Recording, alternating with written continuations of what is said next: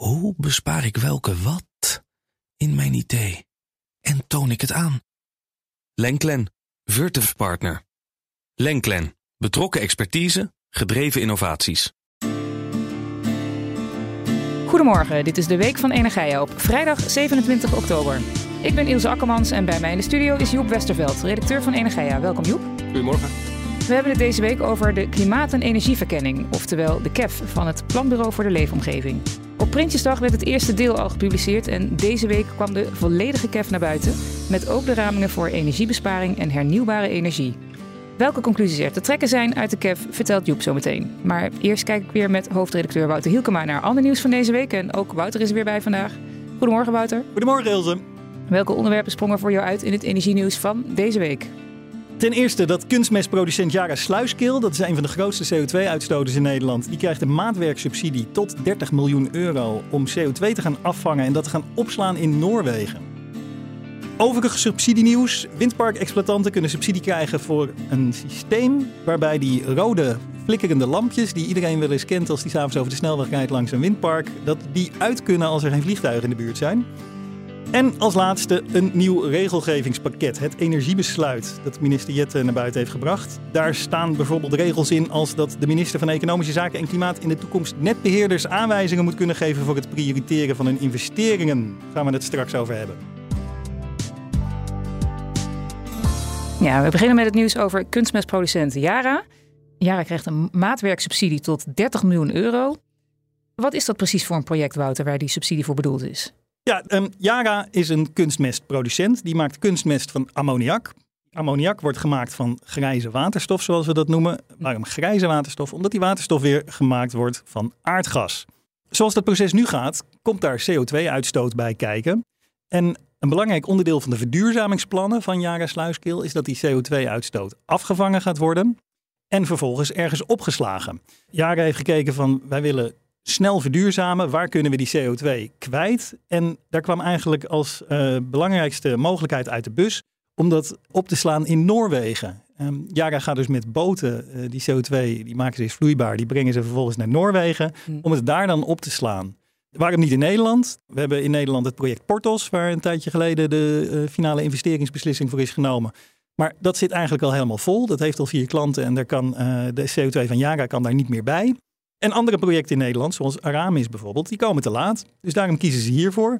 Het Rijk hebben ze gevraagd voor een tegemoetkoming in de kosten die dit met zich meebrengt. En die is toegekend door minister Adriaansens. 30 miljoen. Jara is een van de grootste CO2-uitstoters van Nederland.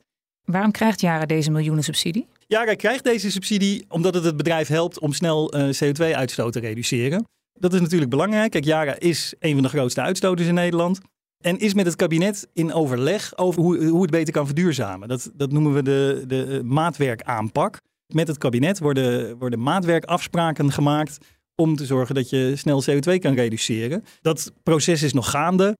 Die maatwerkafspraken zijn allemaal nog niet definitief. Maar een beetje vooruitlopend daarop zegt Jara van ja, deze CO2-afvang en opslag in Noorwegen is heel belangrijk voor ons in ons verduurzamingsproces. We willen daar graag nu meteen mee beginnen. Kunnen we vooruitlopend op die maatwerkafspraken alvast 30 miljoen krijgen om dit, uh, om dit te gaan doen? Daarvan heeft uh, minister Adriaansens gezegd van ja, inderdaad, dit, dit uh, zorgt voor belangrijke CO2-uitstootreductie bij jullie. Dus hier zeg ik ja tegen.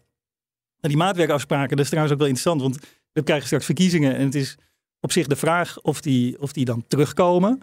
Misschien Joep, jij was eerder deze week was jij bij een aantal verkiezingsdebatten en uh, industriedebatten. Wordt het in de industrie belangrijk gevonden dat die maatwerkafspraken terugkomen? Ja, in de industrie wordt er wel positief uh, naar gekeken inmiddels. Aanvankelijk was dat niet zo. Over het algemeen kun je zeggen dat vanuit de industrie heel erg de wens is dat er zo stabiel mogelijk, voorspelbaar mogelijk, eigenlijk bijna saai mogelijk beleid is. Dat je gewoon weet wat er gaat gebeuren. En dan kunnen ze daar hun investeringen op uh, aanpassen. En kijk, maatwerkaanpak is eigenlijk net begonnen. Hè? Want ze hebben uh, nu soort principeverklaringen getekend met uit mijn hoofd negen bedrijven. Nou, dat moet dan weer omgezet worden in een intentieverklaring. En dan worden het pas echte maatwerkafspraken. Dus als je nu zou stoppen, dan, dan stop je eigenlijk voordat er überhaupt echt iets is gerealiseerd. Ja, je zei, je zei er net al wat over, Wouter. Um, die CO2 wordt met boten naar Noorwegen gebracht. Is daar wat meer over te vertellen over hoe dat eigenlijk in zijn werk gaat, CO2 opslaan in Noorwegen? Ja, het, het, klinkt natuurlijk heel omslachtig, maar uh, het, het, is voor Yara de snelste manier om het te doen. Die CO2 die ze uitstoten, ze stoten in totaal 2,2 megaton per jaar uit. 2,2 hm. miljoen ton is dat dus. Althans, produceren ze. Dat komt, komt bij de ammoniakproductie komt dat kijken. 1 miljoen ton daarvan, dat wordt al vastgelegd. Want dat wordt gebruikt als uh, grondstof voor onder meer kunstmest wat ze produceren. 400.000 ton wordt verkocht aan een hele reeks afnemers, glastuinders, uh, bierproducenten, uh, verzin het allemaal maar. Wat doen die daarmee? De glastuinders die laten hun plantjes er beter van groeien en bierproducenten laten hun bier bubbelen. Oké. En de resterende 800.000 ton gaat nu de lucht in. Maar, en het, dat deel, daar gaat het om, dat moet worden afgevangen en verscheept worden naar Noorwegen. Het is een proces, dat, dat doen ze al bij jaren. Ze maken die CO2 uh, eh, vloeibaar door het heel erg te koelen. En dan gaat het een, een, een, schip in. Nou, dan moet de kade bij Yara moet uitgebreid worden. Die schepen moeten ze goed kunnen ontvangen. Dus uh, moet het moet echt wel het nodige gebeuren om dat, uh, om dat te doen. Daar is die 30 miljoen ook voor bedoeld. Het is ook een eenmalige subsidie, hè? is niet een terugkerende subsidie. Eenmalige subsidie. Ja. En die uh, vloeibare CO2 wordt dan in een schip geladen. En dat kan dan naar Noorwegen varen om daar in een leeg gasveld opgeslagen te worden. Ja, voor het besluit om die subsidie te verlenen won de minister advies in bij de adviescommissie Maatwerkafspraken Verduurzaming Industrie, oftewel de AMVI. En die geeft straks ook advies over de verduurzamingsplannen van alle maatwerkbedrijven. Wat zegt deze commissie over Yara? Ze hebben dit, dit voorstel beoordeeld en ze zeggen gewoon doen. Het is een, uh, een slimme manier om dit te doen. Het is een, uh, tegen een, het is een substantiële CO2-reductie tegen een aanvaardbare prijs. Dat was een oordeel. Dan gaan we naar je tweede onderwerp. De subsidie voor windparkexploitanten voor het aanleggen van een systeem dat de rode lampen op windturbines automatisch aanzet als er een vliegtuig in de buurt komt. En het grote voordeel daarvan is dat de rode verlichting op windturbines waar veel mensen zich aan storen voor het grootste deel van de tijd uit kan blijven. En Wouter, hoe is de situatie nu? Kun je daar wat meer over vertellen? Ja, nu is het zo dat, dat grote windturbines inderdaad. Uh, groot zijn windturbines met een tiphoogte hoger dan 150 meter. Dus dat is het allerhoogste puntje. Niet de mhm. masthoogte, maar de tiphoogte. Daar moet, een, moet op die mast moet een rood knipperend lampje staan als het donker is, zodat vliegtuigen die uh, mogelijkerwijs in de buurt zijn, gewaarschuwd worden van pas op, hier staat een obstakel, uh, niet tegen aanvliegen. Dat is eigenlijk op dit moment de, de situatie. Ja, het systeem van naderingsdetectie wordt nog niet veel toegepast. Hoe komt dat? Ja, de sector is er op zich wel groot voorstander van. Want het wordt door heel veel mensen inderdaad als heel hinderlijk ervaren. Als je mhm. in het donker door, door de Wieringermeer rijdt bijvoorbeeld, waar een heel groot windpark van Vattenfall staat. Ja, dan mhm. denk je wel echt van jeetje, wat is hier voor disco aan de gang? Ja. En de sector vindt het ook vervelend. Dus die willen, dit, willen dit ook aanpakken. Tot nu toe is er nog niet zoveel van de grond gekomen. Ten eerste ja, toch omdat het niet moet. En het kost wel veel geld om het te doen. Relatief veel geld, maar het, Hoeveel kost geld, kost het? Ja, dat is erg moeilijk te zeggen, omdat het erg windpark afhankelijk is. Orde groot is ongeveer 60.000 euro, uh, werd ons verteld. Maar kijk, het ene windpark is het andere windpark ook niet. Die Wieringermeer die ik net, net, noemde, ja, dat is verder gewoon een lege polder. En als je daar uh, s'avonds doorrijdt, dan, dan zie je al die lampen. Maar als er een windpark op de Tweede Maasvlakte staat bijvoorbeeld, ik weet maar wat. Mm. Ja, daar staat... Uh, 50 kilometer industrieel genot en vernuft, zoals minister Wiebes dat vroeger noemde. Ja, daar, daar is al zoveel te zien. Dat maakt echt niet uit of daar nog een lampje knippert. Dus, dus het is erg afhankelijk per windpark. Maar goed, er komen kosten bij kijken. En uh, daar uh, heeft de windsector steeds van gezegd: van ja, dan vinden we het wel ook. Als wij dit maatschappelijk is dit gewenst om dit te doen, dan kan de maatschappij daar misschien ook wel wat een beetje aan bijdragen. Ja, nu is er dus een subsidieregeling. Hoe ziet die eruit? Die is tot stand gekomen doordat de, de windsector en het Rijk en de provincies hebben met elkaar afgesproken dat de, de sector zelf, de windsector, de, de windparkexploitanten, die dragen 60% van de kosten. Mm en de overige 40% komt uit de publieke middelen. Die delen dat 50-50. Dus 20% wordt door, de, door het Rijk betaald en 20% door de provincie. Uh, dat loopt allemaal via de provincie. Dus de windparkexploitant die vraagt bij de provincie subsidie aan, krijgt daar die 40%. En die provincie krijgt dan weer van het Rijk daar de helft van terug. Mm -hmm. Het is niet verplicht. Provincies hoeven ook niet verplicht mee te doen. Dat doen ze ook niet allemaal. Groningen, daar bestaat hij al. Die, die, uh, die was al wat eerder. Die was al voordat Jette dit eigenlijk mogelijk maakte, hadden die al als soort proef, uh, deden die dit. Verder Noord-Holland, Zuid-Holland, Friesland, Drenthe en Flevoland. Ik geloof dat ik ze dan allemaal heb, maar hou me, hou me even ten goede. Uh, doen daaraan mee. En um, ja, het is voor de windparkexploitanten dus ook niet verplicht. Die gaan nu zelf afwegen van willen we dit doen of willen we dit niet doen. Nou, ik zei net al, het animo is wel groot, want ze vinden het zelf ook vervelend dat ze, ja. dat ze overlast veroorzaken. Maar het is een beetje dus afhankelijk van waar het windpark staat.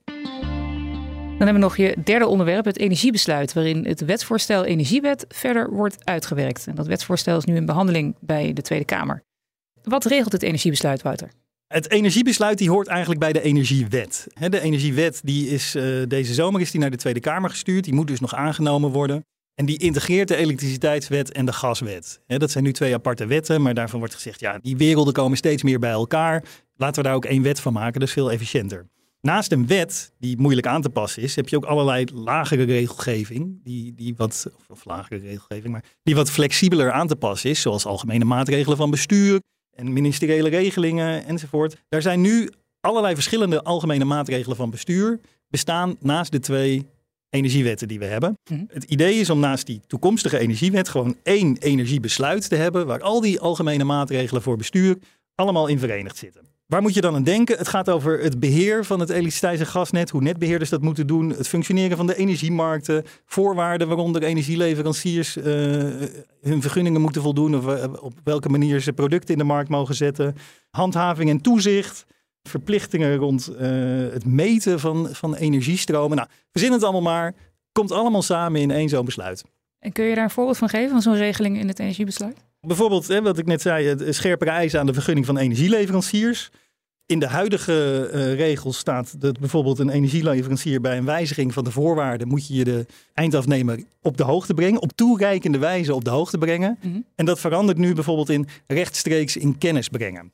Nou, dat soort dingen staan erin. Ook zwaardere eisen aan de financiële positie en de inkoopstrategie van de energieleveranciers. Dat is trouwens ook aangekondigd in de energiewet, daar staat dat ook in. In de oude regelgeving vroeg de aanvrager van een vergunning die moest alleen aantonen dat hij beschikte over de benodigde financiële kwaliteiten voor een goede uitvoering van zijn taak. En dat verandert nu naar dat hij een solide financiële positie moet hebben en een gedegen inkoopstrategie. Ik citeer dit allemaal, hè, dat hoor je. Ja, er staat ook een nieuwe regel in het energiebesluit die uh, de opdracht aan netbeheerders om een hogere prioriteit te geven aan investeringen die een bijdrage leveren aan de transitie naar een duurzame energievoorziening. Waar komt die opdracht vandaan? Ja, dat, dat sluit aan bij een uh, al veel langer lopende discussie. Volgens mij hebben we het daar uh, een tijd geleden in de podcast ook al wel eens over gehad. De ACM, de toezichthouder, gaf hier ook al eerder groen licht voor. Het, het, gaat erover, we hebben het vaak genoeg over de drukte op het elektriciteitsnet. En dat verhindert dat bepaalde partijen een nieuwe aansluiting kunnen krijgen. Nou, wordt er gedacht van ja, op het moment dat hè, het, het, voorbeeld wat altijd genomen wordt, als een ziekenhuis en een casino tegelijk een, aan, uh, een aanvraag doen, dan wil je heel graag dat ziekenhuis voorrang geven en het casino niet. Dat soort prioritering komt ook uh, in, in dit energiebesluit naar voren. Trouwens niet echt helemaal op dat maatschappelijke niveau. Sowieso is dat een ongelooflijk lastige discussie. Want tussen een ziekenhuis en een casino weten we het allemaal wel. Maar op het moment dat een basisschool en een verzorgingstehuis strijden om, een, om één aansluiting. Hè, als er maar ruimte is voor één aansluiting. Ja, dan wordt het veel lastiger van wie ga je nou voorrang geven. Dus dat is nog heel moeilijk te verwoorden. Wat er nu in dit besluit staat, is dat er voorrang wordt gegeven aan projecten die de energietransitie verder helpen. Die mogen hoger op de, op de prioritering komen. In dit besluit staat hoe netbeheerders dat kunnen doen. Maar de daadwerkelijke prioritering die blijft bij de minister liggen. Dat is wel even een belangrijk onderscheid. Duidelijk. Dankjewel, Wouter. We gaan het hebben over de klimaat- en energieverkenning, oftewel de KEF van het Planbureau voor de Leefomgeving. Nadat met Prinsjesdag het eerste deel al werd gepubliceerd, kwam deze week de volledige KEF naar buiten. En daarin staan ook de ramingen voor energiebesparing en hernieuwbare energie. En over welke conclusies er te trekken zijn uit de KEF praat ik met redacteur Joep Westerveld. Joep, misschien is het goed om eerst even te kijken naar wat die KEF eigenlijk precies is. Kun je daar wat over vertellen? Jazeker. De klimaat- en energieverkenning is eigenlijk een jaarlijkse analyse van het Planbureau voor de Leefomgeving. Waarin ze berekenen in of wij de, doelen, of de klimaatdoelen gaan halen. Eigenlijk komt het daarom neer. Dus dan heb je het over hè, de doelen voor CO2-reductie in 2030. Uh, eh, voornamelijk gaat het dan nu over. Uh, maar ook op energiebesparing en het aandeel hernieuwbare energie in de mix. Dat zijn vaak Europese doelen die dan al dan niet vertaald zijn in een, uh, in een specifiek Nederlands doel. En eigenlijk is het een soort kompas voor het kabinet. Het is echt een van de belangrijkste bouwstenen om beleid op te maken. Mhm. Dat is ook dat kon je vorig jaar goed zien. Uh, de CAF 2022, uh, daar bleek uit dat we de reductiedoelen niet gingen halen. En dat is toen voor het kabinet aanleiding geweest om in dit voorjaar te komen met een heel pakket aan aanvullende maatregelen om ervoor te zorgen dat we dit reductiedoel wel halen.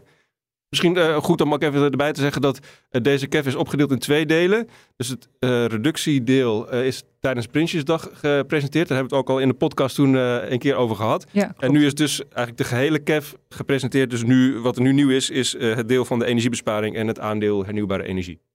Ja, en volgens het planbureau voor de leefomgeving dat de KEF opstelt, moet alles meezitten om het energiebesparingsdoel te halen. Over welk doel hebben we het dan? Ja, dan hebben we het over het besparingsdoel op finaal energieverbruik. Mhm. En eh, hoe dat werkt is dat eh, de Europese Commissie maakt een soort scenario. En ten opzichte van dat scenario moeten dus de Europese landen gezamenlijk 11,7% besparen in energieverbruik. Mhm. En eh, die 11,7% dat is recent afgesproken in een herziening van de energie-efficiëntierichtlijn. Dat is eh, deze zomer afgesproken. De precieze cijfers zijn nog niet helemaal bekend, want eh, de Europese Commissie komt ook nog met een herziening van, van dat scenario. Maar het eh, Planbureau voor de Leefomgeving is nu uitgegaan van het bestaande scenario wat uit 2020 komt. En waar kom je dan op uit als doel voor Nederland? Dan kom je op een eh, doel van maximaal energieverbruik van 1609 petajoule.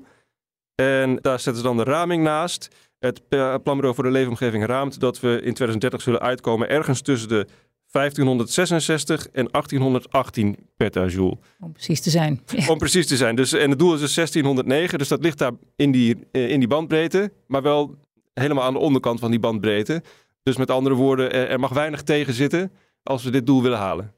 Ja, en wat is dat eigenlijk? Finaal energieverbruik. En over welke gebruikers hebben we het dan? Ja, dus finaal energieverbruik, dat wil gewoon zeggen de eindverbruikers. Eh, in de sectoren industrie, gebouwde omgeving, de landbouw, de mobiliteit. En dat is dan inclusief internationale luchtvaart. Gebouwde omgeving zijn ook consumenten. Ja, inderdaad. En, en bijvoorbeeld in de industrie, om, om, om het misschien ietsje duidelijker te maken, eh, raffinaderijen en hoogovens vallen daar niet onder, want, want die produceren eigenlijk grondstoffen voor weer andere industrie. Mhm. Maar de eindproducenten in de industrie vallen er wel onder. Ja, en het energiebesparingsdoel is dus in principe haalbaar. Het dimensionaire kabinet kondigde in het voorjaar extra klimaatplannen aan. En spelen die hierbij ook nog een rol? Ja, zeker.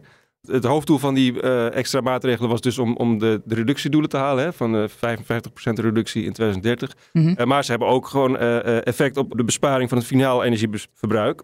Dat kun je ook zien. De raming dit jaar is duidelijk lager dan die van vorig jaar. Dus dat, dat is dankzij deze extra maatregelen. Om een paar voorbeelden te noemen van maatregelen die, die dus zijn genomen in de gebouwde omgeving. Wordt, de verduurzaming van huurwoningen met een slecht label wordt aangepakt. Stimulering van het gebruik van warmtepompen. Nou, dat, dat levert bij elkaar eh, op, moet dat al een besparing van 20 petajoule opleveren. In de, in de industrie heb je dus maatwerk, waar we het er net al over hadden. Ja. Nou, dat moet ook al 35 eh, petajoule opleveren. En in het transport heb je bijvoorbeeld rekeningrijden. Dat moet dan 60 petajoule opleveren. Maar daar zie je ook meteen hoe onzeker het soms is. Want eh, dat rekeningrijden is dus controversieel verklaard. Hè? Dus dat betekent dat een volgend kabinet daar pas een besluit over gaat nemen. Of ze daar überhaupt mee willen doorgaan. En zo ja, hoe. Ja. Dus eh, het is een beetje onzeker of die, bijvoorbeeld die 60 petajoule... of we die wel of niet kunnen meetellen. Ja, de Europese Unie heeft ook een doelstelling voor primair energieverbruik. En die ligt nog buiten bereik, blijkt uit de KEF. Wat is primair energieverbruik en hoe komt het dat dat doel dan niet haalbaar is? Ja, het primair energieverbruik, dat wil zeggen het finale energieverbruik plus eh, het eigen verbruik en de omzetting en distributieverliezen in de energiesector.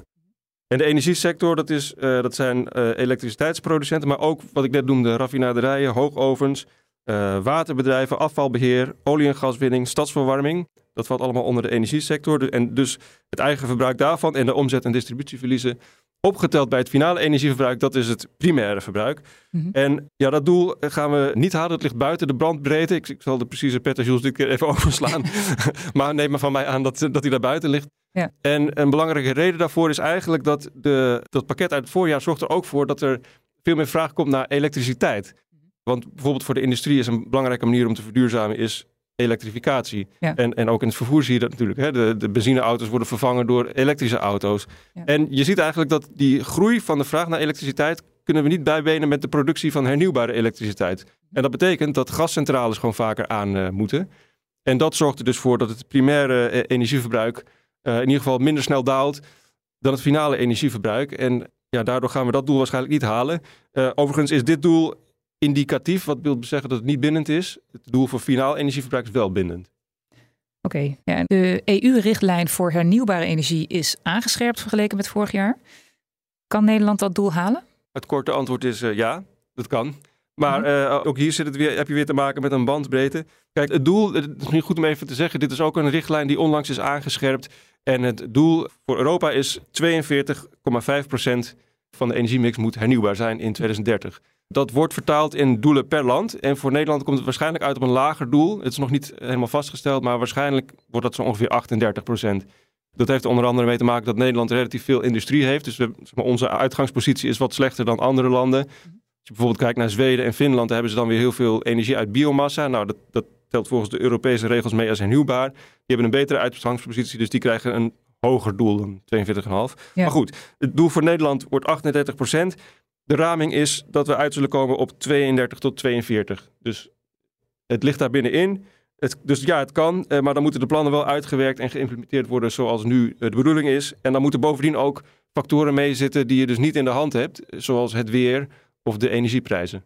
Ja, er staat heel veel in, eh, in de KEF. Hè. Het plan over de leefomgeving schrijft ook eh, dat het onzeker is of de industrie gaat voldoen aan de Europese verplichting om 42% van het waterstofgebruik in 2030 hernieuwbaar te laten zijn. Waarmee heeft dat te maken? Ja, je hebt dus behalve algemene doelen voor land heb je ook sectordoelen. Nou, een van de sectordoelen is inderdaad eh, het waterstofgebruik in de in- industrie. Mhm. Dus 42% van al het waterstofgebruik in de industrie moet hernieuwbaar zijn. Waar hebben we het dan over om een idee te geven? In, in, in 2020 was bijvoorbeeld 180 petajoule werd- aan waterstof werd er gebruikt. Dat valt dan weer niet allemaal onder deze plicht. Want eh, een, een deel van het waterstof wat wordt gebruikt, dat ontstaat als restproduct in, in de eh, productie van, eh, van die fabrieken.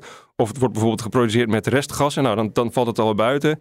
In de raffinaderijen telt alleen maar het waterstofgebruik mee wat echt voor ehm, chemische producten wordt gebruikt. En niet wordt ingezet voor de productie van transportbrandstoffen bijvoorbeeld. Ja, om even een idee te geven. eh, als, je, als je bijvoorbeeld kijkt naar de cijfers van 2020.